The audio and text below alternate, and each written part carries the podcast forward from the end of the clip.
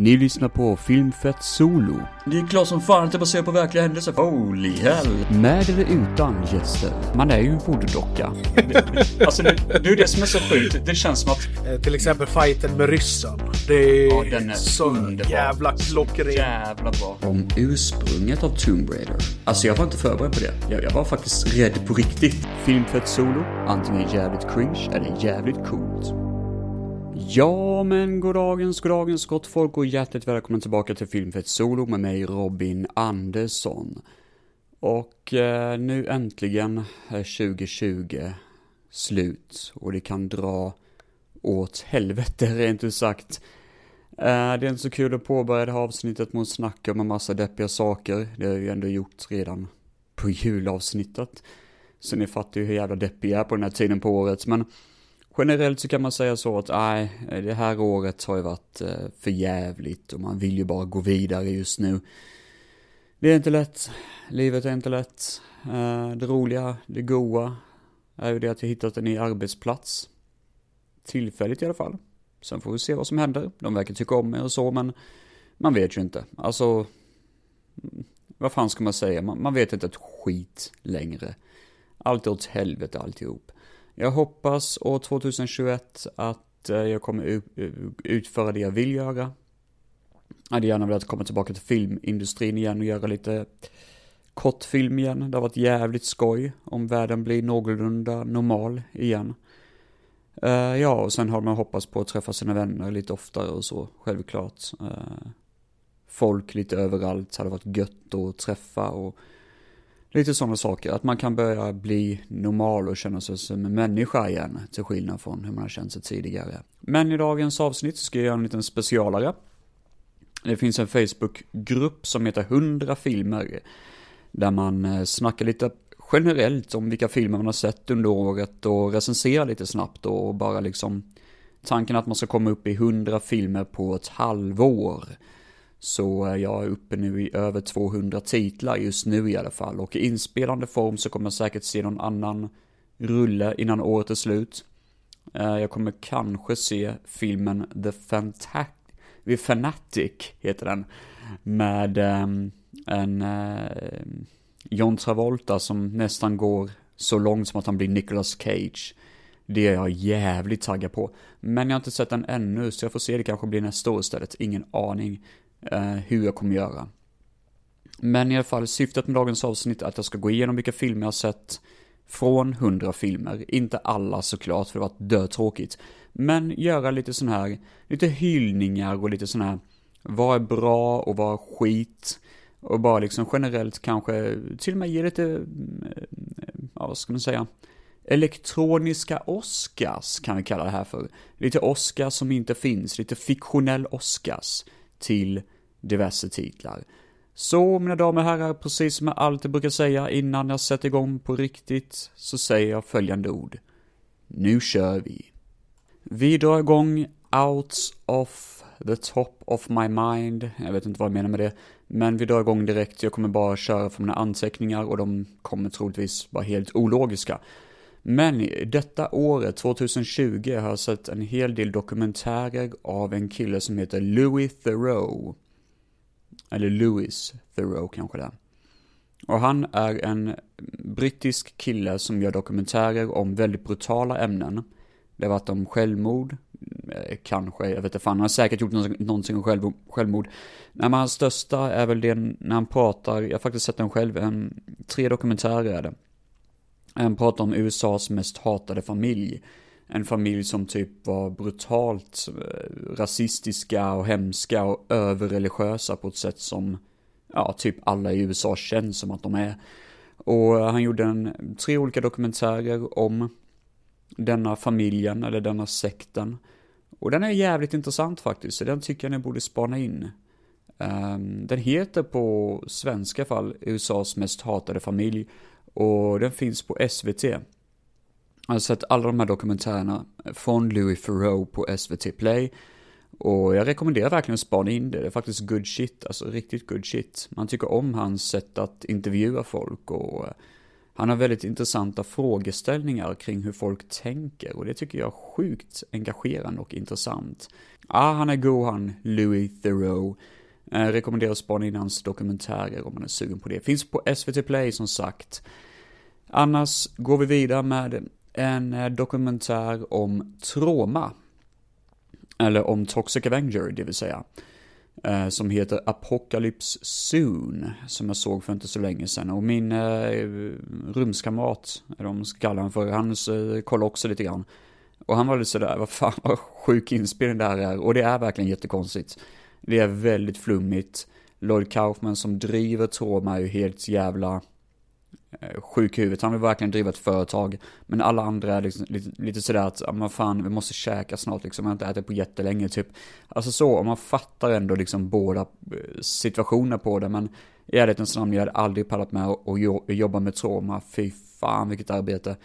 Uh, I alla fall, alltså, trauma kanske är ganska chill, men att jobba med Lloyd Kaufman är nog ett jävla helvete. För han, och det har till och med hans dotter sagt att han är jävligt pain in the ass. När det kommer till regi bakom en film. Han kan vara jävligt jobbig. Vilket är skumt. För när man ser filmerna så känner man, ja men de är inte så seriösa. Hur kan han vara så jävla seriös? Men han går all in i filmerna helt enkelt. Apocalypse Soon. Sen har vi en zombiefilm som heter Night, Night of the Creeps, heter den. Med Tom Atkins, go 80-tals rysare. Inte den bästa zombiefilmen som finns, dessvärre, men en god jävla rysare helt enkelt. En god mys-rysare. Om en typ, eh, vad ska man säga, sladdrig mask som borrar sig in i folks huvud och eh, förvandlar dem till zombiesar helt enkelt. Tom Atkins spelar en polis som får veta att det är någon typ av outbreak nära ett sorority house. Där folk eh, ska snart gå ut ur eh, plugget. Och eh, det är ju sån här amerikansk high school sorority house. Jag vet inte vad fan man ska översätta det som, men det är typ såna här Ja, det är väl högskolor som har lite sådana här houses i Sverige också. Jag har fan aldrig gått på högskolan, så ingen aning. Men um, Tom Atkins då är en polis, eller före detta polis, han är de eh, privat deckare som försöker typ eh, stoppa en, en möjlig invasion av de här konstiga maskarna. Och han stjäl ju hela showen, han är skitrolig, jävligt god skådespelare och en snubbe man lättare att träffa. För det, jag har sett honom på de här dokumentärerna, In Search of Darkness. Eller jag, jag har ju bara sett första dokumentären än så länge. Men han är så jävla härlig. Eh, riktigt kramgod, härlig gubbe som bara sitter och skrattar och tyckte, enligt den dokumentären, att detta var hans bästa roll. Så Nights of the Creeps, go zombiefilm, inte så bra som jag hade tänkt mig, men ändå en god jävel och väl värd att nämna. Sen har vi ju en film som jag redan har pratat om. Som heter The Plague från 1979. Som jag såg i filmklubben. Jag är ju med i en filmklubb. Som kallas för filmklubben i Tidaholm. Men det här är ju via nätet. Så de har också en fysisk filmklubb men inte under corona. Så det är därför de, han bestämde sig då, Sonny, för att öppna upp det liksom via um, via nätet då istället. Och då körde han um, lite olika filmer som vi kunde se. Eh, samtidigt som vi eh, snackar via Discord. En av filmerna var The Plague från 1979. Kanadensisk, skittråkig film.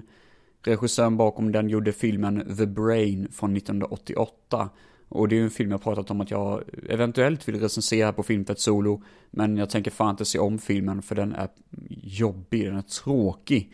Men The Plague var fan ännu mycket värre. Den är, det är kanske den, en av de tråkigaste Ja, det, det är kanske inte den sämsta, men det är fan ingen bra film alltså, ärligt talat. Sen har vi då Evil Speak som jag också pratat om och det har jag faktiskt pratat om i samma avsnitt som jag snackade om The Plague. Uh, Clint Howard springer runt och goes Carrie i filmens slut. Vilket är underbart, jättehärligt och uh, gott som fan. En film jag inte nämnt på Filmfett Solo är en film som heter Biohunter. Och Biohunter är någon asiatisk anime på typ bara en timme lång. Om något virus som sprider sig som gör att människor förvandlas till monster och några agenter som ska försöka stoppa den här virusspridningen. Men eh, det är en liten twist för en av agenterna själva har viruset i sig och kan ibland förvandlas till ett monster. Han kan däremot än så länge kontrollera sin kraft, men man vet inte hur länge det kommer gå, typ. En ganska chill, rysare, typ, eller sån här splatterfilm. Ganska god på många sätt och vis, och skönt att den är bara en timme lång. Den är ganska härlig. Det är väl ingen film man stor minns efteråt, men ändå gött på något vis va. Då går vi till första så här eh, stora priset, skulle jag kunna kalla det för. Jag, jag kallar detta för pris, för jag brukar alltid dela ut någon specifik, oh det här måste jag highlighta, liksom speciellt. Så det här är årets kultfilm. Och då menar jag inte från 2020, självklart, är ni dumma huvud eller? Utan jag pratar om årets kultfilm som jag har personligen sett i år. Um, som jag bara liksom, det här sticker ut, det här är fan gött alltså. Och det är kanske det för att jag hittade den på Netflix, vilket är skitskumt. Också en film jag pratat om i avsnittet om parasiter. Det är filmen Shivers av David Cronenberg. Eftersom att jag nämnt den tidigare så kommer jag inte prata så mycket mer om den just nu. Men eh, en god jävla film och eh, oväntat att se på Netflix av alla ställen. Eh, riktigt obehaglig faktiskt på sätt och vis och det är gött att se en regissörs första stora liksom film innan han drog igång på riktigt och gjorde Scanners och gjorde sin karriär. En annan film som jag sett på filmklubben är Haunting of Winchester House. En horribel jävla skitfilm. Inte den sämsta jag sett, men ändå jävligt dålig. Det är en, ehm, den vill jävligt gärna så mycket, men den är bara skittråkig att ta och kolla på. Den är gjord av Asylum Pictures och Asylum Films gör ju skit, det är deras jobb typ i stort sett att göra skit. Och det här är ingen bra rulle, det är en jävla spökfilm som inte höll någonstans. Det, det är mest bara en film jag sitter och skrattar åt lite grann. Jag kommer ihåg en scen där det dyker upp något, något medium och han ser ut som Shaft av någon konstig anledning. Den här filmen ska utspela sig i modern tid och den här snubben ser ut som att han är tagen från en jävla 70-talsfilm. Det var det enda som var faktiskt var oväntat kul med filmen. Eh, vi skämtade jävligt mycket om att, ja, ah, här kommer Shaft in i bilden liksom. Så det var, nej det var ingen bra film alltså. Haunting of Winchester House. Eh, riktigt eh, träig produktion. Årets VHS, och då pratar jag om vilka filmer jag satt på VHS som jag bara säger wow, den här filmen är jag jävligt glad att ha på VHS. Uh, för det första har vi första Mad Max. Jag har ju sett den filmen tidigare så det är lite fuskigt. Men ändå en jävligt god film som jag är glad att jag äger på VHS. Blev skitglad att hitta den. Sen har jag ju såklart Rocketeer som är riktigt god att ha på VHS. Jävligt härlig. Ja, gillar jag. Men jag ska väl säga att Mad Max är nog den första som jag egentligen vill lägga mer energi på, egentligen. På det sättet för att Mad Max är faktiskt en film som insett mycket mer nu på senare tid. Att första filmen från 79 är faktiskt en av mina favoritfilmer. Och Be Not Afraid, eller Do Not Be Afraid. Vi kommer snacka om Mad Max i ett framtida avsnitt. Eh, jag kommer eventuellt till och med ha gäster när jag ska göra det. Utöver Mad Max så har vi Mind Ripper, en god jävla Ehm, oväntad film, för omslaget ser ju för jävligt ut, men filmen i sig var riktigt god och slafsig. Om en sån här eh, experiment under jorden som har gått åt helvete och någon zombieliknande varelse som springer runt och äter hjärnor. Eh, riktigt cool. Eh, vi har ju bland annat han från Miami Vice med den filmen John Deal, tror jag han heter, som spelar en av de komiska karaktärerna. Och därför jag fick mer respekt för honom när jag såg den här filmen, för han var jävligt bra i den. Och Lance Henriksen såklart som eh, huvudroll kan man väl säga. Ja, det är gött alltså, det är riktigt gött. Årets VHS-film går till både Mindripper och Mad Max. Och fan vad gött det känns. Mm, underbart. Vi vandrar vidare med årets John Carpenter. Och eh, ja, det är ju ganska kul ändå, för det har hänt två roliga saker med John Carpenter. Han har gjort lite musik, men eh, den bästa musiken som kom detta året var Weeping Ghost. En jävligt bra låt. Han släppte ju först någon film, eller någon film, någon låt som heter eh, Skeleton, som jag tyckte var sådär. Och för en så länge sedan så släppte han ytterligare en låt, så jag kommer inte ihåg hur den gick. Den var rätt okej okay, för mig faktiskt. Men Weeping Ghost, fan vad hård låt. Jag fick eh, gåshud när jag hörde den faktiskt för, för första gången. Jag bara shit, John Carpenter is back baby. Det var väldigt oväntat och riktigt gött. Underbara John Carpenter. Fan vad man älskar honom. Och sen har jag sett en film där han är ledsagare i tre korta historier. Den filmen heter Bodybags. Bags. Det är tre olika historier, tre olika minihistorier och den roligaste och mest minnesvärda är när Stacy Keach han, eh, han tappas, alltså han håller på att tappa sitt hår, eller han har tappat sitt hår, han letar efter något nytt hår, någon operation typ som man ska ha. Och det roliga är i en scen, alltså det här är en lustig jävla historia faktiskt. I en scen så står han och kollar på när det går typ någon sån här långhårig man som ser ut som typ Fabio. Och han har sån här jättelångsam, alltså det går i slow motion och han svänger på håret och så vidare. Och sen så ser Stacy Keach en en, en hund, en långhårig hund och ser också det i slow motion och bara liksom börjar nästan dregla över det. Det är så jävla kul, fy fan vad roligt det är. Alltså det, det märks att den, de vet hur jävla löjlig storyn är i den eh, kortfilmen då, det, det, det segmentet. Och de bara går balls out bananas. Sen såklart så får han sitt hårtransplantat-grej. Och det går skepprakt åt helvete, det går fan, eh, håret växer överallt på honom och ja, det, det, bara, det ballar ut rätt mycket. Men det roligaste är ju mest det komiska segmentet när han går runt och bara ser alla i slow motion som bara viftar med håret överallt. Det är skitkul är det. Eh, och John Carpenter går runt som ett lik nästan, han ser ut som en zombie, han går runt på en sån här um, morg, vad heter det, um, bårhus. Och går igenom olika kroppar och lik och berättar då för oss vad som har hänt med dem och hur de dog. Och han är typ liksom ledsagaren till de här tre olika berättelserna kan man säga. Och han har ju the time of his life, Hans, eh, man märker ju hur jävla sköj han måste haft under inspelningen. Det, det är fan så jävla kul att se en person som bara leker med oss tittare hela jävla tiden och ja, det var skitkul. Um, ja, men det var väl det egentligen om årets John Carpenter. Annat gött på filmklubben. Vi har Wheeler, som även kallas för Psycho in Texas. Vad fan är detta då? Jo, det är en jävla B-film om en snubbe som springer runt och typ terroriserar olika kvinnor i ett samhälle har jag för mig. Han gör inte så jävla mycket mer. I en scen så strippar en tjej naken. Samma tjej som dansar på en grav förresten om ni kommer ihåg den scenen i Return of the Living Dead. Eh, han strippar henne naken och häller öl över henne och klappar och håller takten till hillbilly musik medan hon dansar och gråter framför honom. En eh, scen som pågår alldeles för länge och en scen hon själv tyckte var jävligt jobbig att spela in. Och då nämnde du dansar på en grav i Return of um, Eh, The Living Dead, kommer, det, det, får man ju aldrig glömma.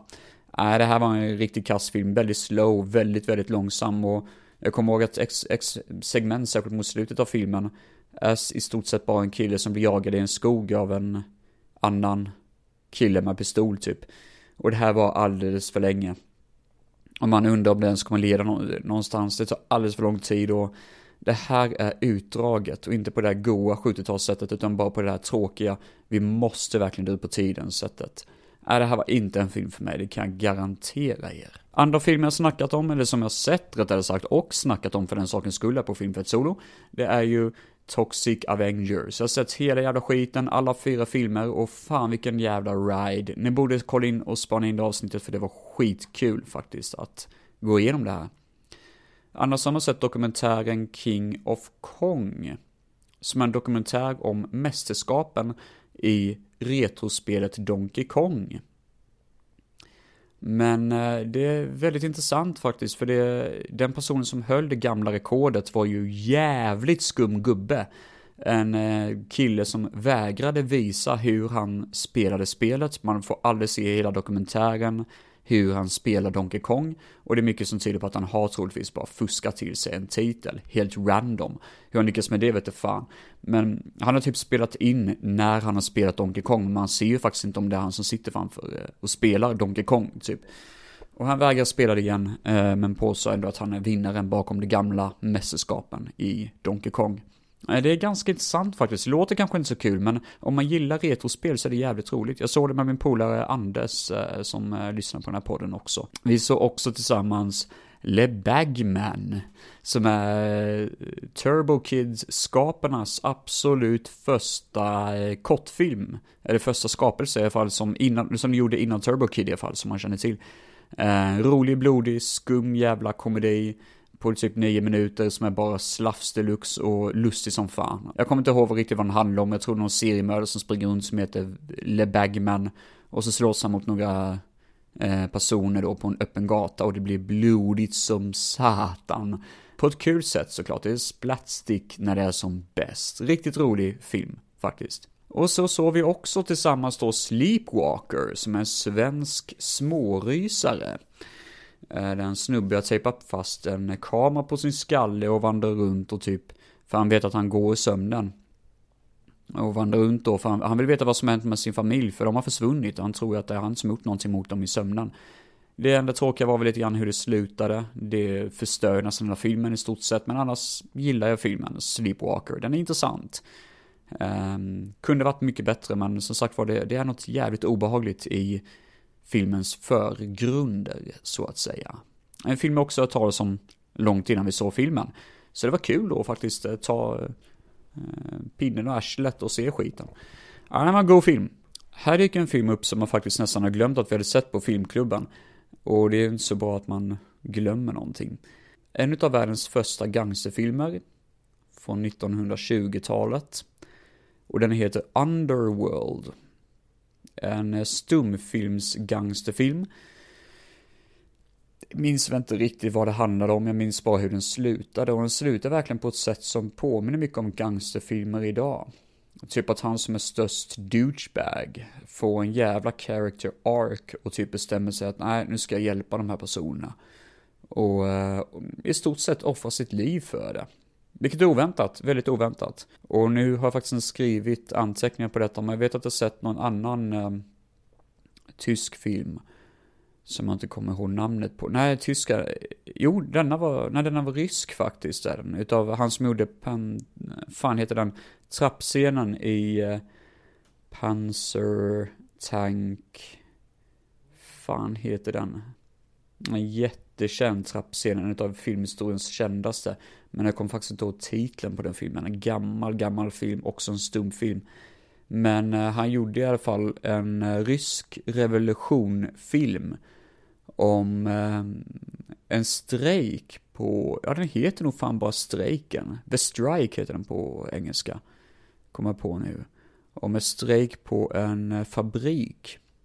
Vill jag minnas. Den var ganska bra faktiskt. Ganska intressant och eh, så. Det är nog, ja fan det var synd att jag inte kom ihåg den. Att jag inte skrev ner den. Annars så hade det kanske varit, kan vara en av de bästa stumfilmerna jag sett faktiskt, ärligt talat. The Strike. Ja, vi sätter det på bästa stumfilm, det gör vi faktiskt. Det är utan tvekan. Apropå det här med eh, Donkey Kong, så har jag sett ytterligare en dokumentär. Fast om ett annat tv-spel. Det är Atari Game Over.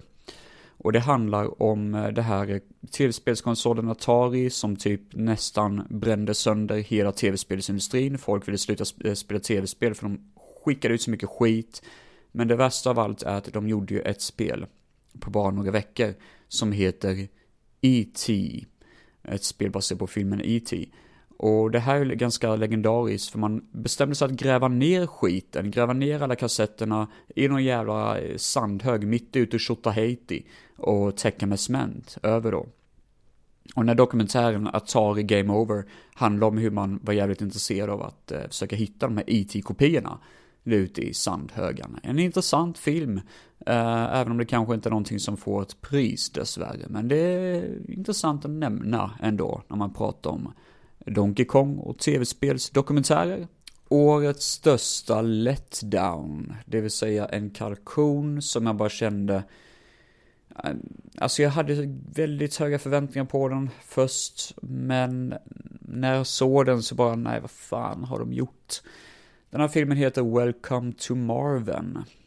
Och handlar om en kille som gör sån här dockor till um, utställningar då. Han, han gör lite miniatyrdockor och sånt till utställningar och spelas av Steve Carell. Men grejen är att hans backstory är typ att han har PTSD efter att ett hatbrott hade hänt mot honom. Så det gör att han kan typ inte riktigt fungera, eh, han är inte funktionär i, eller funktionär, han fungerar inte riktigt i samhället som alla andra gör typ. Och han är väldigt nervös och inåtslutande, det är därför han håller på med sina dockor då. Och eh, ja, det handlar lite grann om hans väg tillbaka via dockterapin. Låter ju skitintressant. Jag tyckte faktiskt att det fanns mycket i den här filmen som jag ändå skulle kunna tycka om. Problemet är att det blir väldigt mycket fantasy över det. För helt plötsligt så klipper man mellan verklighet till hans fantasier om hur de här dockorna lever. Och typ beskyddar lilla samhället och springer runt med militära outfits och ska skjuta mot andra dockor och så. Och visst, är det lite kul ibland, men det tar fan över för mycket alltså. Det, den... Eh, jag fattar inte varför man lägger så mycket tid på det. Det var en letdown, det var ingen film jag blev eh, glad över överlag. Jag är glad att jag inte såg den på bio, vilket jag först hade intention att göra, men det var ju, den gick ju åt helvete på biografen också. Vi drar till med årets sci-fi. Faktiskt. Eh, lite oväntat, men när jag såg det här så bara hade jag helt glömt bort att jag faktiskt hade sett den här filmen och då kände jag, men det här måste man ju ändå säga. Det här är ju årets sci-fi, science fiction. Och Altered States heter den. Och handlar om en sån här vattentank. Där ehm, um, vår huvudrollsinnehavare, jag är nära att säga William Defoe, men det är det ju fan inte. William Hurt heter han ju för fan. Han eh, befinner sig i en vattentank för att utföra experiment på hur människans inre psyke fungerar och eh, börjar typ hallucinera och se weird shit och typ få konstiga drömmar och sånt. Och det är lite grann att han tror att den här tanken kan vara ett sätt att gå tillbaka till människans ursprung, till vad vi var för någonting innan vi ens hade ett mänskligt medvetande. Det blir ganska bananas. Det blir lite body horror, det blir väldigt psykedeliskt. Det är en jävla bra film faktiskt. Jag är väldigt, väldigt, väldigt glad att jag äger den på Blu-ray. Först så dök den upp på Netflix, men sen försvann den ju såklart, för Netflix är ju bort grejer. Och jag blev så förbannad när den försvann. Så jag blev så glad när jag hittade den på eh, Discop, tror jag det var. Jag köpte den. Och eh, ja, det, det, här är nog fan, alltså det är en sån film som man är jävligt glad att ha, man har i sin samling alltså. Den är, den är cool och den är snygg som satan på Blu-ray. Eh, lite för seg kanske på sina ställen, men ändå lätt en cool sci-fi. Den, ja, årets sci-fi är Altered States från 1980 av Ken Russell. Och vi hoppar väl vidare då i så fall till italiensk postapokalyps. Jag pratar om filmen Endgame. Och nej, det här är ju inte um, Avengers Endgame. Vi snackar om riktig Endgame här. Detta är Mad Max-aktigt postapokalyptisk future. Jag kommer inte ihåg så mycket av själva storyn, men jag minns att det var många människor som, som sprang runt i lustiga kostymer. En gubbe som har silverfärg över hela nyllet och tydligen ska vara mutant. jag för mig till och med han kallades för Silverfish, en sånt jättefult var det. Och eh, de springer runt typ i ett eh, ökenlandskap. Minns inte alls som sagt vad storyn handlade om, och det var lite gäng och lite motorcyklar och sånt. Allt gott ni vill ha i den här postapokalyptiska filmen Endgame. Uh, jävligt glad att titta den på uh, YouTube. Och uh, ja, god rulle helt enkelt. God jävla film alltså. Vilket för oss till en film som faktiskt blev lite grann av en, ja vad ska man säga, en återkoppling till, vänta lite nu, Endgame, jag tror i och för sig nu när jag kommer tänka efter att George Eastman var nog fan med den. Ja, vi går vidare till nästa film. Transers heter denna. Producerades av Full Moon. Och Full Moon Pictures är ett företag som har väldigt svårt för. Jag har aldrig riktigt fallit för dem. Jag tycker att de gör rätt mycket skit som jag inte riktigt gillar. Det är billig skit. Och visst, jag vet att de har sina fans och det är coolt. Det är bra att ni gillar det. Men jag har aldrig riktigt kommit in i det. Eh, de gjorde de här Puppet Master-filmerna och nej, det är ganska löjligt faktiskt tror fan har snackat om Puppet Master. Jag vet att jag spelat upp musiken någon gång, så jag måste fan ha snackat om Puppet Master någon gång. Um, Transers i alla fall. Uh, typ någonting om någon uh, tidsresenär som har förmågan att kunna typ implantera sina tankar och göra folk till onda zombies som jobbar för honom. Något sånt är det. Och så har vi en agent som reser tillbaka till 80-talet då från framtiden. Jack Death heter han. Det är fan inte ofta jag kommer ihåg vad en karaktär heter, men det är så jävla coolt namn. Jack Death. Ärligt talat, varför skulle jag heta Robin Andersson om mina föräldrar kunde döpa mig till Jack Death? Det var skitcoolt. Men han springer runt och eh, ska typ liksom eh, bara få ta på den här onda bad guy och föra tillbaka han till sin tid.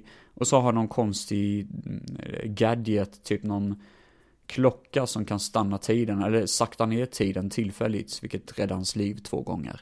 En cool rulle faktiskt, mycket roligare än vad, vad jag trodde det skulle vara. På papper låter det rätt löjligt och det är rätt löjligt med, men jag vet inte fan, det bara, det bara flöter på rätt jävla gött alltså. Årets What the Fuck är en genre som jag aldrig hört talas om, som jag hörde tack vare filmklubben. Kanske det mest roligaste infon jag hört.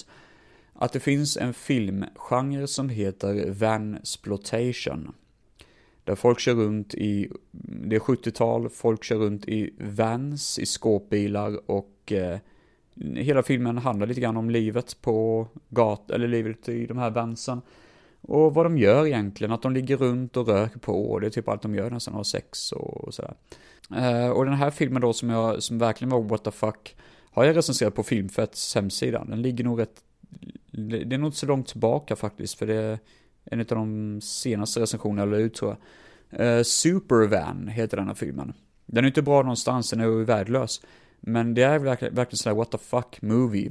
Hur kan den, den här filmen ens existera? En skåpbil som kör runt och låter jätte high pitchigt och ger huvudvärk och näsblod. Och skjuter någon laserstråle för att rädda någon person som sitter i fängelse. Och jag tror till och med skjuter sönder, skjuter sönder en polisbil som typ exploderar till bara helvete. Det här är verkligen jätteknepigt, jättekonstigt är det. Och ändå en riktigt intressant film att den ens existerar. Årets what the fuck går till Supervan, helt enkelt. Och då drar vi vidare med nästa film som heter Malika. Också en film som vi såg på den här filmklubben då. Uh, indisk spökfilm, det låter ju spännande, eller hur? Nej, det är det inte riktigt, men den är lite rolig, det, det är ju en indisk film, de är lite lustiga, de, de gör lite saker som sticker ut lite grann och gör B-filmer, tråkiga titlar och tråkiga filmer på ett roligt sätt, lite lustigare. Och det är exakt det de gör med Malika. Minns inte så mycket av filmen där de spöker som hemsöker något hus och sånt och eh, händer lite sång och musiknummer och någon staty förvandlas till, jag kommer inte ihåg en fågel tror jag, eller något sånt och spetsa en kvinna. Ja, det var något, något, något sånt i alla fall.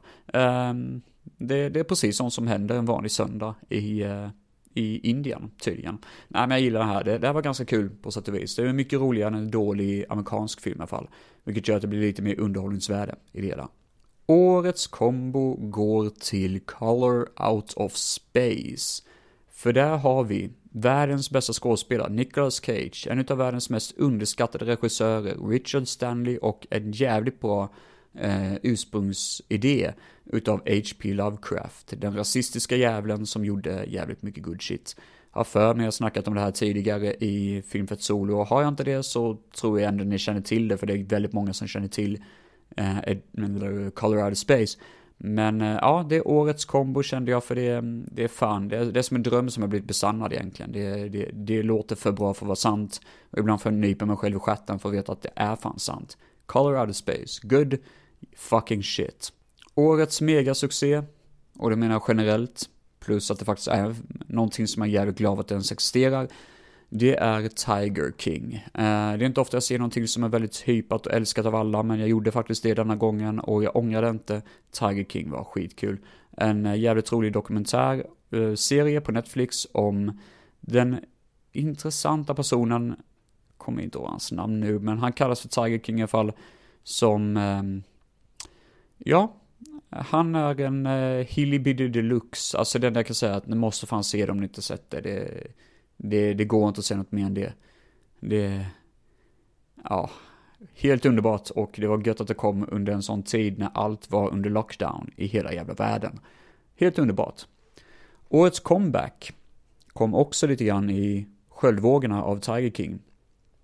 Community kom tillbaka. En komediserie som jag faktiskt aldrig hade sett så mycket av. Jag hade sett avsnitt av det och tyckte det var jävligt kul. Men jag såg aldrig hela säsonger av det förrän eh, det gick på Netflix och det är skitkul. Riktigt roligt är det.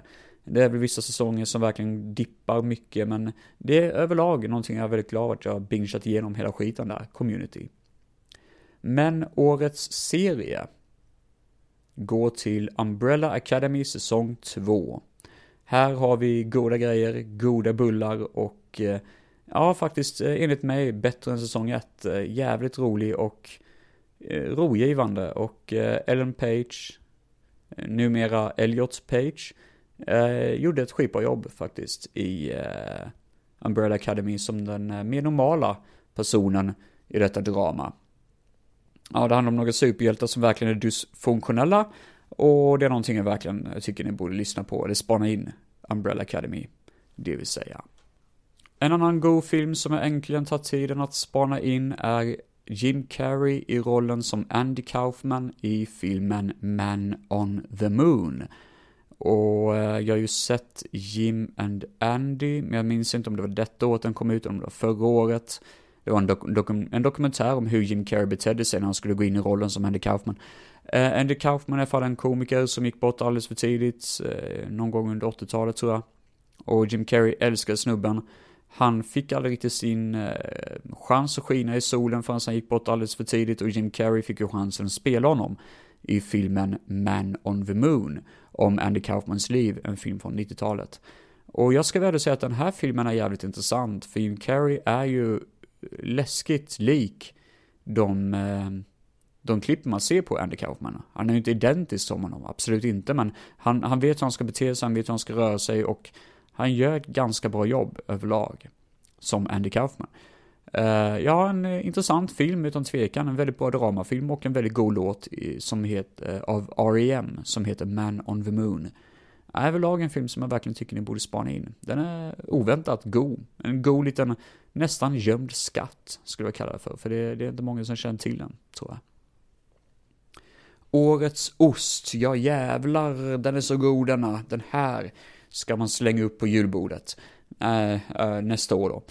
The Lamp, även känd som The Outing. Den här är ju ost utav bara helvete. Riktigt jävla kul är det. Ja, det här är det, vad fan ska man säga alltså. Det, det, är bara en god jävla spökfilm och om jag har något spökfilmstema i framtiden så ska jag nog försöka plocka upp The Lamp. Hemsökt anden i flaskan-film kan man säga, eller anden i lampan i ett eh, museum. Och visst, man får inte se mycket av själva anden, men det, det, är bara det att filmen är så jävla bonkers, så sjukt skum är den. Och har så konstiga kreativa beslut som man sitter och garvar som fan. Man garvar sönder. Och det är därför den får årets ost. Och det doftar hela vägen hit känner jag. Mm, underbart. Och årets brutalitet. Jag tror inte jag pratat om den här faktiskt på Filmfett Solo, för det var inte så länge sedan sådan, ärligt talat. Dragged Across Concrete. En hård thriller som är lång, väldigt lång, den är nästan tre timmar lång. Och långsam är den, väldigt långsam. Men jag gillar ändå skådespelet, jag gillar det här kyliga i hela filmen. Och sen när det väl händer någonting så är det så hårt, så det är jävligt hårt. Pistolskott som verkligen hörs, ben som knäcks. Alltså det, det, det är liksom sådär mm, brutaliteten, den 70-talsbrutaliteten som jag älskar. Och den gjordes av en jävligt bra regissör som även gjorde Bone Tomahawk och en film jag ännu inte har sett, Brawl in Cellblock 99. Nej men det var väl allt jag har att säga denna gången och eh, det här året kan ju spolas ner som en skithög på dass. Jag hoppas att ni håller er friska och lugna och glada där hemma. Och ta hand om er, mina vänner. Följ mig på Filmfett på Instagram, på Facebook. Heter Filmfett, som sagt var. Har ju bloggen filmfett.se. You know what to do. Och eh, som sagt var, den här podden finns både på Acast och på Spotify. Så det är bara att slå på om ni känner för det. Har en del olika avsnitt att gå tillbaka och lyssna på. Rekommenderar att lyssna på eh, Trauma och Toxic Avenger avsnittet. Och även eh, Tomb Raider avsnittet. Det är good shit, men sen har jag gjort lite andra roliga saker därefter också som ni kan lyssna på. Det är bara att lyssna på. Ha det bäst, mina vänner. Ta hand om er och eh, ja, vi ses nästa år. Hej då!